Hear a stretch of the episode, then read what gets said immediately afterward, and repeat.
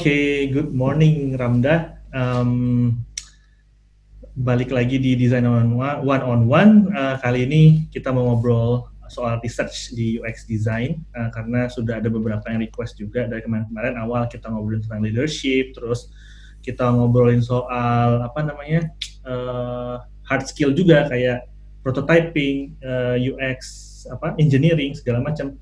Nah kali ini juga yang belum dibahas tuh research sebenarnya dan dan kita tahu kalau desain itu kan sebenarnya uh, terutama adalah problem solving buat usernya gitu ya. Nah kebanyakan mungkin desainer itu nggak tahu cara mulainya gitu. Uh, atau yang bukan kayak specialized di situ karena mereka banyakkan bagian dari kayak design doing ya mungkin a bit of design thinking tapi design doingnya kayak ngedesain.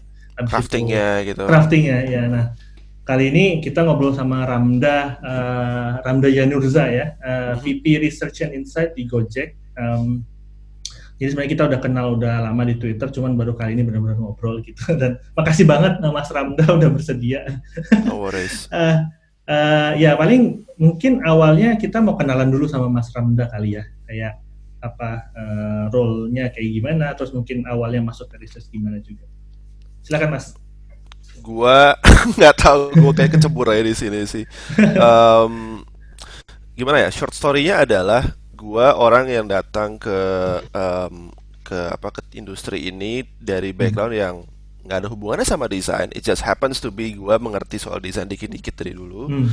Um, se sebelum sebelum tujuh ke sini I was a visual designer sebenarnya. Hmm. Tapi more on like a publishing, you know, bikin layout uh, layout majalah, you know, desain grafis yang standar and hmm. ya dikit-dikit belajar soal UI design, you know, trying to understand gimana cara bikin UI di app. But it was like jauh bahkan dribble nya belum ada dulu kayak udah lama hmm. banget gitu. Tahun berapa tuh ya? uh, eh, gue nggak tahu dribble adanya kapan. Oke okay, mungkin agak lebay ya tapi kayaknya uh, mungkin waktu gue kuliah S1 gitu dulu sih modelnya di di mana waktu itu ya app belum terlalu itu banget. It's still hmm. in the nascent stage of nobody knows trend tuh kayak apa ke depannya. BlackBerry masih hmm. hits banget. That was the stage where I um, I was exposed to design kan. Tapi hmm. sebenarnya setelah itu um, role gue jauh lebih ke arah uh, data analysis dan research itu hmm. sebenarnya um, itu cuma karena function it supports my job kerjaan gue hmm. itu banyak berhubungan sama data-data pemerintah hmm. dan kalau berhubungan dengan pemerintah betul berhubungan juga dengan riset pemerintah hmm. kalau berhubungan dengan riset dan ya udah harus ngerti soal you know dunia riset di public sector Uh, di mana ya nature-nya ya banyak kan akademis banget, social development research, economics, kayak gitu-gitu. Hmm. Hmm. Dan gue untuk mendu untuk mendukung itu, gue sendiri belajar lebih ke arah data analisis. Hmm. Topiknya lebih ke arah kayak um, perkotaan, uh, isu-isu sosial gitu-gitu modelnya. Hmm. Nah terus um, somehow um, semua hal tadi itu tiba-tiba kayak kecampur lagi waktu gue masuk ke Gojek. Actually gue masuknya lebih ke waktu hmm. itu uh, research untuk business intelligence tapi hmm. um, ya karena gue juga ngerti konsep-konsep um, itu dan gue emang harus human centris karena gue melayani melayani publik kan waktu public sector hmm. ya it kinda mash up together dan ujung-ujungnya kayak I think it was um, waktu gue masuk Gojek ada banyak banget research di Gojek hmm. ada gue yang doing kayak business and kayak data analysis gitu modelnya Hmm. Terus ada waktu itu Indah, Indah itu ngelit um, uh, di UX research yang mungkin lebih tipikal dengan yang ada orang-orang tahu UX sekarang untuk apa, lebih kayak gitu ya modelnya. Hmm. Uh, you know, like doing contextual inquiry, qualitative studies, you know, doing IDI, usability testing, yang lebih kayak gitu-gitu. Terus ada juga, uh, ada juga uh, bagian kayak research and insights gitu ya, modelnya lebih ke arah marketing dan brand yang lebih kayak luas gitu modelnya. Hmm. It a bit weird karena sering banget ada topik yang sama dikerjain tiga orang berbeda dan perspektifnya beda-beda semua gitu kan. Yeah. Terus kayak nggak efisien juga karena jadi uh, terus gimana cara kita grow masing-masing? Kita masing-masing kita bertiga masing-masing masih sangat lemah banget apa footingnya hmm. di di tempat kayak Gojek yang jujur aja um, it's more of a like yang penting bikin cuma cepat, iterate cepat, fail fast gitu modelnya kan dan there needs to be a better understanding biar nggak banyak-banyak failnya gitu harus banyakkan suksesnya yeah. um, early 2018 I think it's Desember 2017 atau Januari 2018 itu kita yaudah kita merger aja yuk gitu hmm.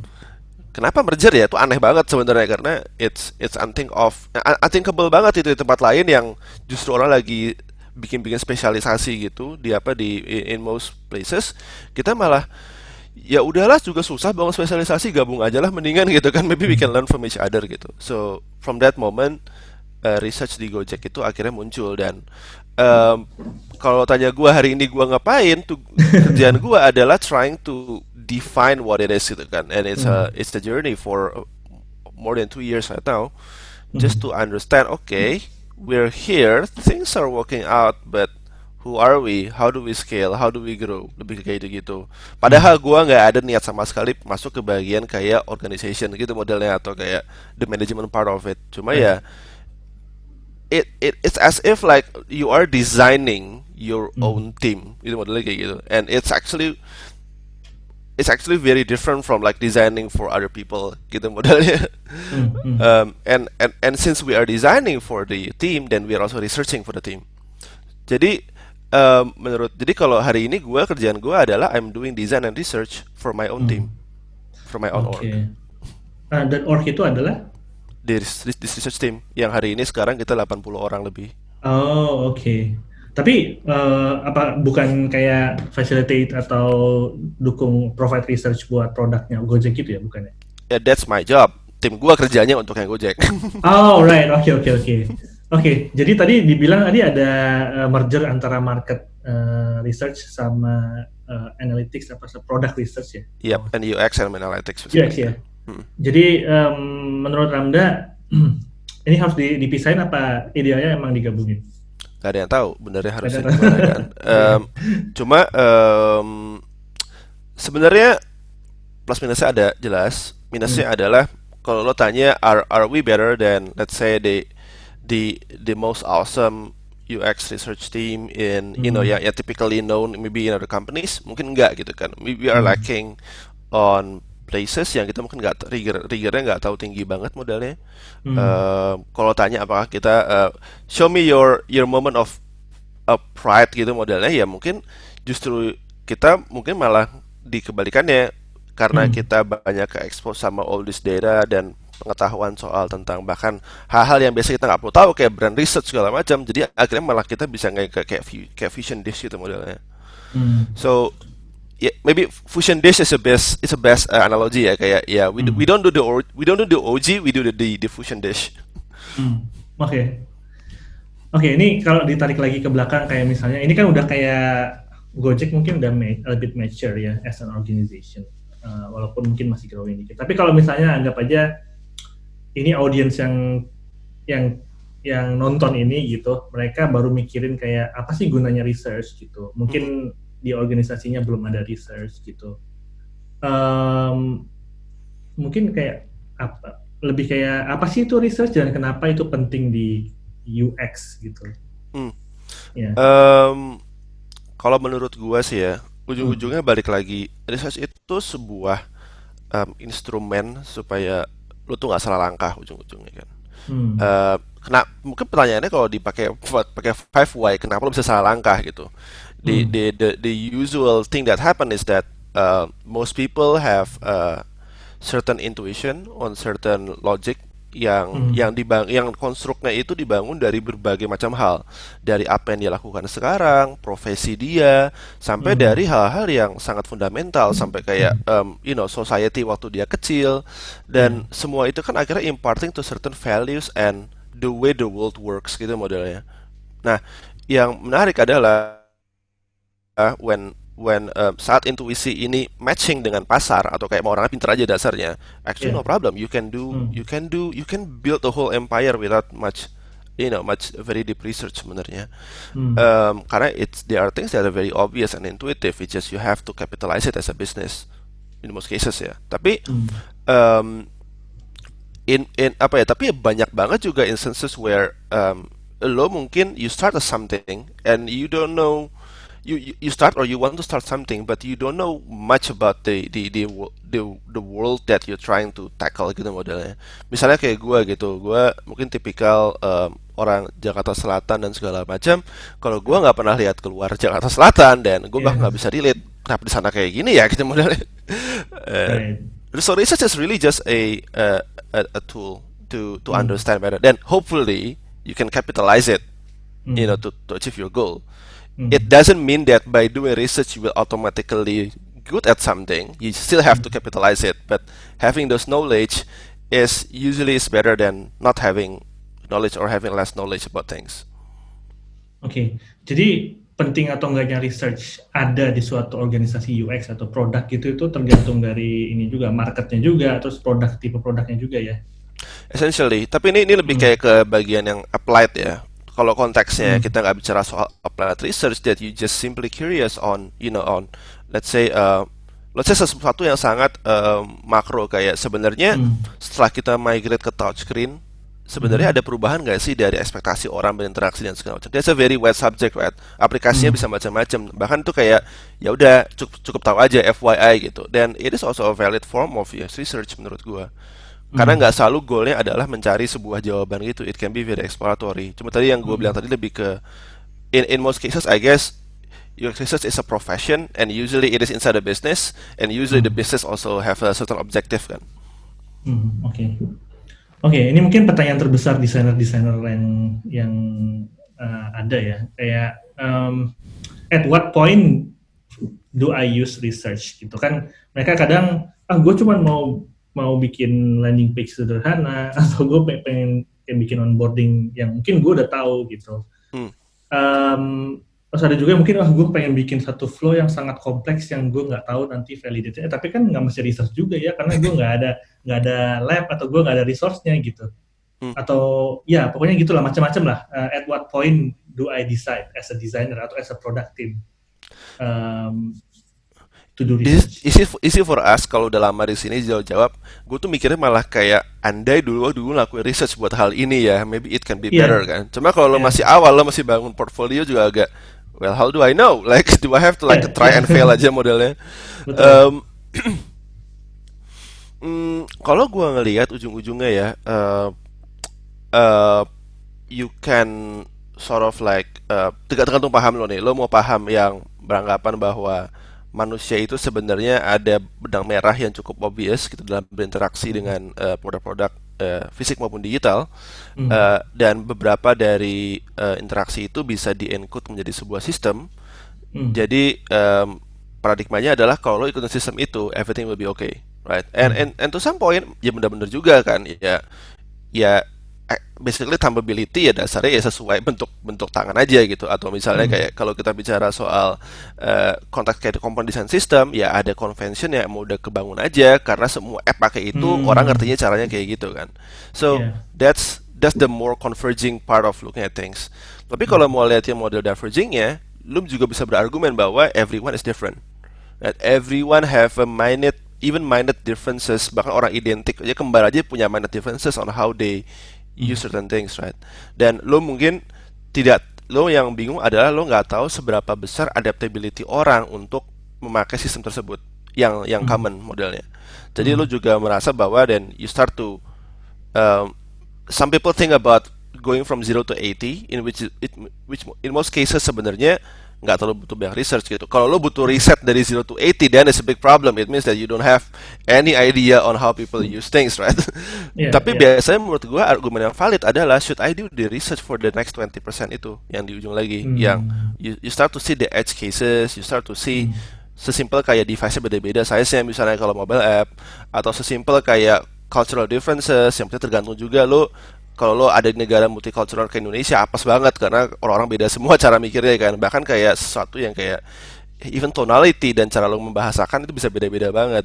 Ya. but can can you do infinite customization gitu? Or or do you want to meet somewhere in the middle where you know you you you go from you you don't do research on the basic things you start apa you do that from creating a good design system dan Hmm. dan design language yang benar sisanya baru lo research. Oke, um, research itu juga berarti ini ya skalanya beda-beda ya.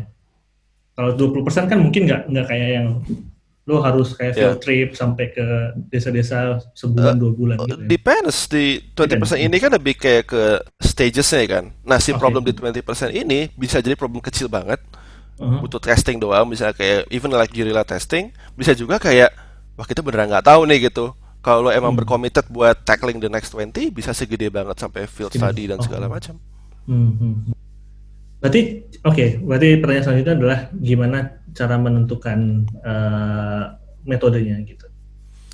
Um, banyak orang yang meragukan apa ya? Gue gue melihat fenomena yang menarik. Orang tuh jarang baca hasil research hmm. yang lain. Gitu. Jadi kayak jarang doing desk research. Padahal kayak so so the weird thing about UX research itu adalah um, di bidang research yang lain kayak akademia dan segala macam research itu tuh kayak apa ya um, knowledge on top of each other gitu modelnya kan setiap hmm. paper itu tuh nge-refer paper yang lain you never start from zero Yes. UX gue nggak tahu apakah karena emang masih baru banget atau orangnya kebanyakan kreatif banget semuanya. They always want to start from zero, kayak asking from zero again, right. terus kayak ya lagi kayak kayak seakan-akan stereotyping itu tabu gitu loh modelnya.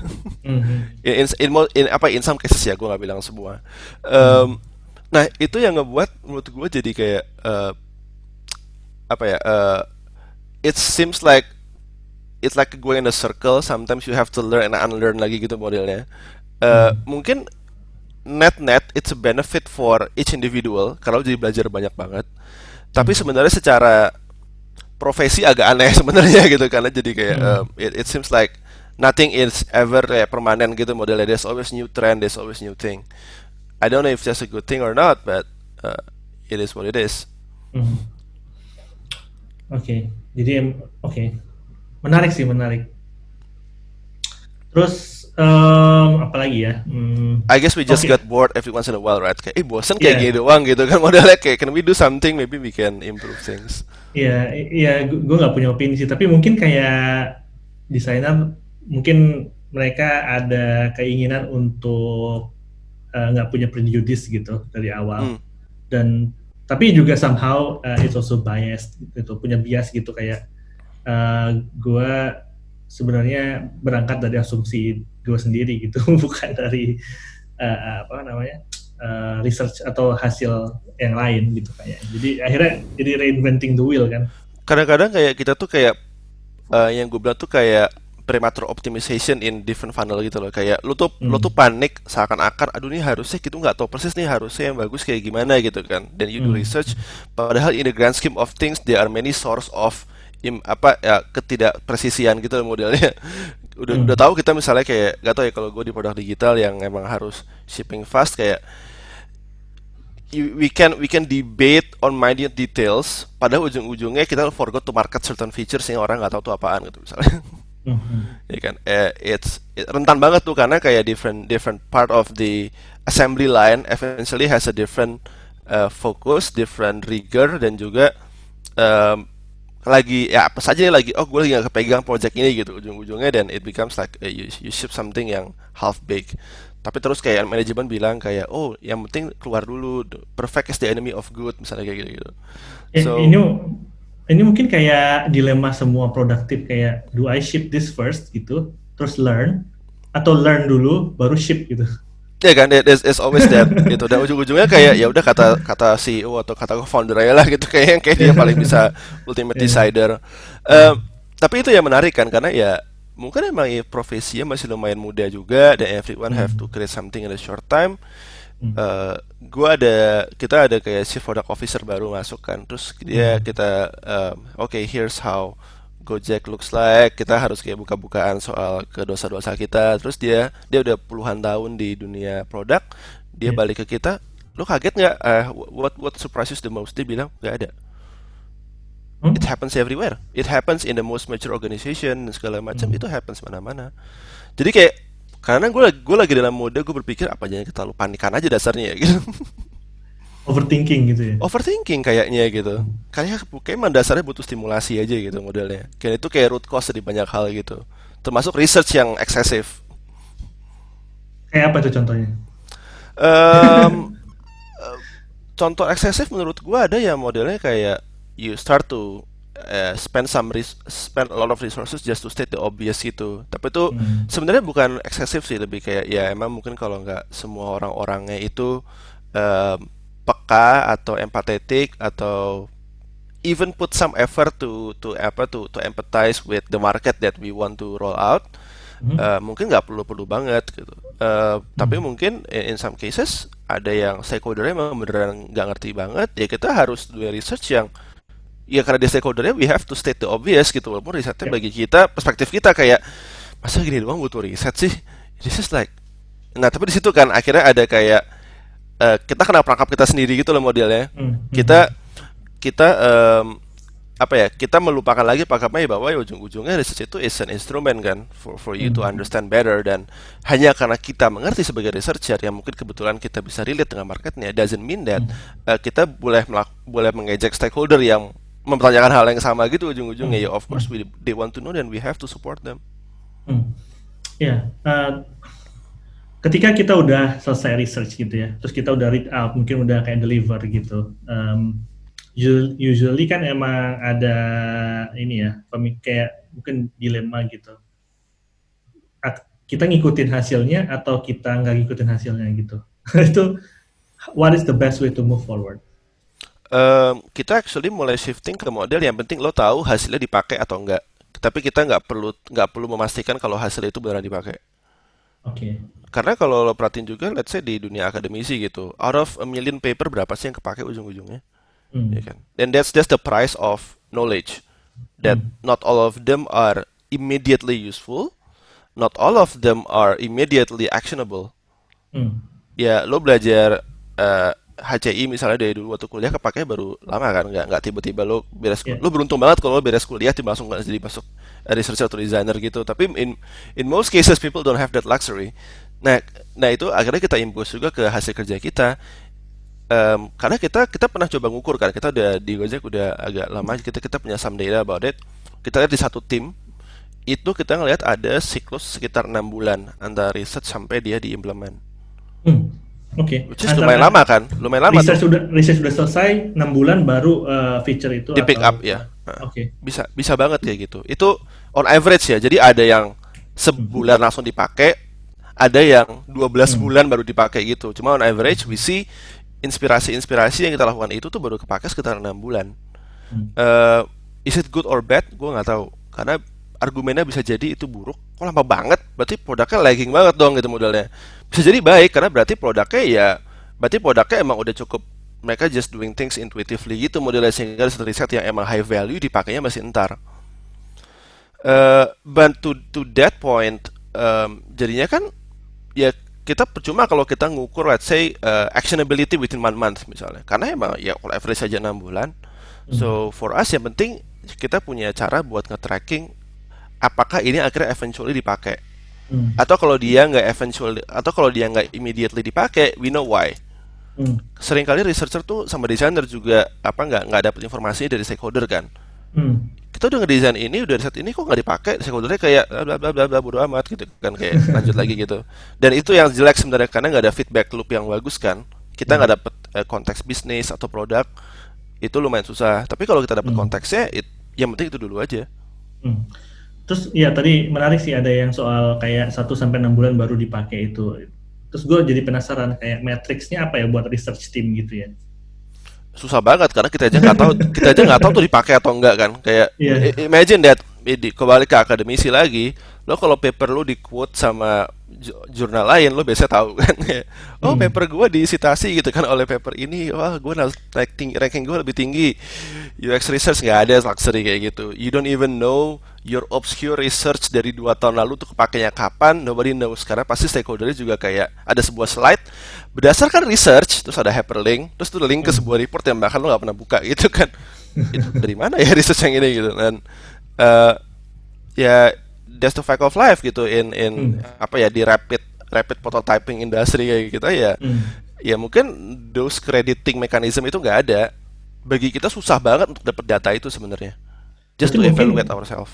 Iya, berarti mungkin evaluasi sebuah research team itu dinilai dari produktivitasnya juga, regardless of or not, sebenarnya hasil risetnya itu dipakai buat informing decisions gitu ya kalau kita cara ngukurnya akhirnya pakai dua. Uh, tadi kan hmm. karena output metriknya susah banget, apalagi ada hmm. mikir how do we measure impact? Ya, yeah, betul. Susah banget. you know what? Don't boil the ocean. Basic things aja. Eh, kalau hmm. kita nggak tahu output metrics, can we know input metrics? Hmm. Do we know how how do we know how productive we are? How apa ya um, how um, um, mungkin kayak gue nggak bilang standardized cuma at least there's some expectation ya kalau project kompleksitas small ya kurang lebih segini gitu kan butuh waktunya atau kayak resource butuhnya segini. Itu dulu. Dan kedua ya alignment sama uh, kayak OKR atau KPI dari uh, dari Oh, stakeholder juga. Oke. kalau lo input lo udah bagus dan you're Hmm, aligned then don't worry too much about the output juga gitu. Lo tetap hmm, perlu tahu misalnya kayak lo doing retrospektif internal lo hmm. minta uh, feedback dari stakeholder tetap perlu tapi jangan jadi sebuah metric juga sebuah impact itu karena ya this industry itu yang buat buat apa buat nyampe ke titik itu Menarik. Terus gue penasaran kayak posisi research organization di dalam sebuah organization gitu kayak Gojek gitu. Mhm. Kalau gue lihat sebenarnya kayak research jadi lebih independen ya sifatnya ya. Jadi kita independen kita report ke gitu. si kita report ke CEO actually Oke. kita report ke CEO em, ya tadi kan karena karena centralized sebenarnya eh, independent yes tapi jadi mesti serving everyone kan kalau lo Hmm. researcher di dalam tim desain lo nggak perlu ngurusin brand research atau kayak operational research lo nggak mungkin nggak terlalu butuh-butuh banget kan just focus on Hmm. the product Eh, vice versa kalau lo di bawah tim marketing lo bodo amat sama per UX-an ya level product gitu kan gue yang penting I just want Hmm. to understand how can I uh, bring you usage and acceptance to the market being Hmm. independent enaknya adalah gue nggak kena agenda-agenda yang lain Ya. buruknya adalah ya gue harus serving setiap agenda Betul. Iya sih, menarik juga ya. Hmm. Em, tapi ya intinya itu tadi ya, mungkin kayak nggak tied to certain OKRs all the time gitu, karena banyak OKRs di setiap Ya. organization. Kita jadi ada kayak tim sentral yang functions gitu, yang kita punya OKR sendiri. OKR itu kayak growth organisasinya sendiri, and that's where I am right Hmm. now. Kita mikir gimana cara improve processes, mungkin mirip kayak design ops fungsinya kalau di design. Hmm. Eh, tapi terus masing-masing tim itu embedded dalam tiap produk itu modelnya, and they're part Hmm. of the product team. Hmm. Jadi ya mereka udah align karena mereka OKR-nya per produk. Gua punya OKR sendiri yang eh, fungsinya untuk making sure organisasinya grow, stabil, nggak banyak churn Hmm. orang gitu-gitu modelnya. Dan people are actually kayak up, apa kayak upskill gitu modelnya. Oke, ini pertanyaan terakhir. Um, how to initiate research gitu? Kalau misalnya gue, ya, ya mungkin lo bisa berangkat dari Gojek sendiri lah. Eh, soalnya selama ini pengalaman gue sendiri, kadang gue sendiri sebagai desainer yang pengen tahu gitu ya, terus gue nanya ke researcher, udah ada datanya belum apa enggak, atau kalau belum kita mulai. Tapi ada juga yang di-initiate oleh orang lain gitu, mungkin researchernya sendiri atau produk team atau yang lain gitu. Kalau di pengalaman lo gimana? Um, different mixture. Ada hal-hal yang kita initiate sendiri dengan keras kepala karena kita tahu itu butuh. Mereka ya karena sebetulnya nggak tahu dia butuh atau enggak kan. Ya ada yang kita Hmm. initiate dan segala macam. Tapi uh, in most cases uh, kita lumayan disiplin. Kayak setiap quarter mulai kita ada list of kayak questions, list of what we know- want to know. Lihat Hmm. produknya juga mau rilis kayak apa, then we start to craft a timeline around that di project-projectnya. Kita lumayan systemize kayak gitu. Tapi kita selalu ada emang ada capacity ekstra buat yang kayak si yang generated dari research itu sendiri. Misalnya paling gampang user journey gitu. User journey itu kan kalau pikir-pikir ya, kalau everyone is kayak Gojek gitu. ya. Gojek itu setiap bahkan konten bahkan dalam satu produk setiap user journey itu ada streamnya sendiri. Hmm. Ya kan? Bayangin setiap funnel itu ada streamnya sendiri kayak misalnya di tim ada satu tim dia itu dari eh, dia ada stream pre-booking, stream booking, stream post-booking. Hmm. Ya kan? Berarti kalau itu kan lo lo lo map well dengan user journey ya masuk masuk aja gitu kan kayak purchase journey-nya gitu. Tapi Yep. tapi kita tetap pengen bikin itu. Kenapa? Karena just because you working on your own stream doesn't mean that there's someone who actually looking at the cohesiveness of the whole thing. Hmm. Agak susah justify-nya kan kalau lo ke stakeholder modelnya stream, kenapa lo butuh sesuatu yang overarching gitu? Just just just do my job man gitu. Just just help me here. Uh, just just help me optimize my funnel. But that's where we can also generate things yang ya udah kita kalau lo udah cukup kepaku kayak gitu, then we want to uh, and we have the right to reserve our capacity buat project-project yang sifatnya overarching gitu modelnya. Hmm. Sampai hal-hal yang kayak foundational study, understanding market sizing, ya itu kan interestnya untuk semua, bukan untuk masing-masing stream doang. Berarti emang fungsi research di Gojek itu juga bisa spanning over uh, satu funnel ya, nggak cuman satu stream, multi stream maksudnya. Kita kena challenge kita paling besar kemarin waktu COVID kan, karena kan kita Hmm. harus eh, kita we decided that we as a research we want to have our own perspective of things. Um, Everyone is doing very quickly to apa to build new product and feature buat apa buat uh, catering to the, the apa ya the, the new situations. Research ya kita percuma bantu mereka karena juga nggak percuma. Maksudnya agak susah juga untuk mereka karena mereka taktikal banget kan. Cepet cepet cepet cepet gitu. Kita oke okay, what can we do next? Ya udah kita decided to create a cross function uh, kayak um, task force itu modelnya. Lo bayangkan kita punya 12 produk dan kita punya task force dari seluruh produk ini dan mereka harus menyumbang ide perspektif mereka dari produk mereka vertikal mereka itu gimana soal kayak how do customer uh, behavior change segala macam itu susah minta ampun karena suddenly you're exposed to hal-hal mikro kayak ya let's define the job to be done apa sekarang sampai hal-hal yang makro banget kayak sebenarnya sekarang perekonomian tuh gimana ya gitu. Hmm. Dia tuh kayak stretch goal banget modelnya.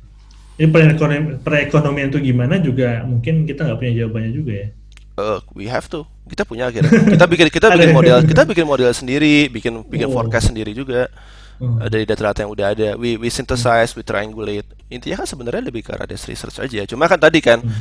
um, if if your day to day itu di product it's very hard for you to take the leap dan kayak oke okay, how do other people other researchers out there actually see the situation Hmm. Kalau gue researcher di bidang ekonomi itu ngeliatnya gimana sih sekarang? Dan gue sebagai researcher di bidang produk, how can I talk to those people and how can I understand what do they see gitu? Karena kan penting kan, kita mau capek-capek mikir soal how might we segala macam, tapi misalnya makroekonomi bilang bahwa pengangguran naik 200%. Dan you start to think about the market as a whole, bukan cuma hmm. sebagai your current user base. Hmm. Oke, okay. Menarik. Oke, okay. um, sebagai penutup mungkin lo bisa kasih kayak advice gitu buat uh, desainer mungkin yang mungkin belum punya researcher resource gitu di company-nya. Hmm. What what is the simplest way to um, maybe do research or like validate? Uh, di uh, apa ya the, the recurring question di setiap sesi research adalah selalu ada satu hmm. orang minimal yang nanya uh, hmm. saya cuma sendiri di company saya gimana cara mulainya gitu ya udah there's always that question yes, yes, uh, yes. tadi yang gue bilang lo lihat kebutuhan ya kan uh, paling gampang adalah lihat sebenarnya hmm. perusahaannya itu ambisinya seberapa sih hmm. asumsi perusahaan ya bisnis ini ambisinya seberapa how long do they um, think they will kayak apa ya operate growthnya kayak hmm. gimana uh, karena ada perusahaan-perusahaan yang mungkin nggak terlalu serius kayak ya udah gue mau hmm. startup I just want to be exited ada yang emang hmm. you want to build something that last kan nah yeah. ini menentukan sebenarnya how can you position research um, kalau lo tahu perusahaan ini atau bisnis ini emang emang want to build to last dan hari ini belum fokus ke research ya the best thing you can do as a designer or researcher adalah make a case for it Hmm. Gitu kan. Uh, look at case studies from organisasi-organisasi lain yang emang udah melakukan itu. Um, uh, talk to them, ngobrol sebenarnya fungsinya apa, impactnya gimana, justify-nya gimana. Karena ya at the end of the day it is an expense not a profit center yeah. kan. Kalau kayak mm-hmm. gini-gini dan bahkan nggak contributing directly to the product development, nggak tactical. Yes. It's at the worst possible place lah pokoknya. Kalau ada layoff yang kena mungkin researcher gitu modelnya. Uh, tapi ya that's the thing. We, kalau lo berhasil justify secara organisasi, secara purpose, secara investment dan berhasil yang berat adalah sebenarnya meyakinkan stakeholder bahwa ini bisa jadi sumber inspirasi mereka. Tidak it it's meant to guide, not to definitely answer things. Dan mm -hmm. lo bisa membuat stakeholdernya appreciate the fact that there are people whose job is solely to understand things as opposed yeah. to solving things. Then mm -hmm. you're good to go tapi it takes some courage to to actually try to define that space. Wow, that's really good. okay, um, I think we ran out of time. Um, makasih banget Ramda uh, semua ujangannya pagi ini. uh, ini sangat berguna banget, apalagi buat desainer yang mungkin baru mulai juga uh, dan yang mungkin kayak yang udah lama uh, berkecimpung di berkecimpung, ya, udah lama di dunia UX juga masih masih ada lah uh, pertanyaan-pertanyaan seputar ini. Ya, uh, mungkin itu dulu kali ya. Uh, makasih banget. Moga-moga bisa ngobrol lagi. Ya, ini uh, makasih udah kasih waktunya di hari Sabtu. Sure. Thank you. Thank you, Ramda, VP yep. Research Insight Gojek. Makasih. Yuk. Yuk, see you. See you. Hmm.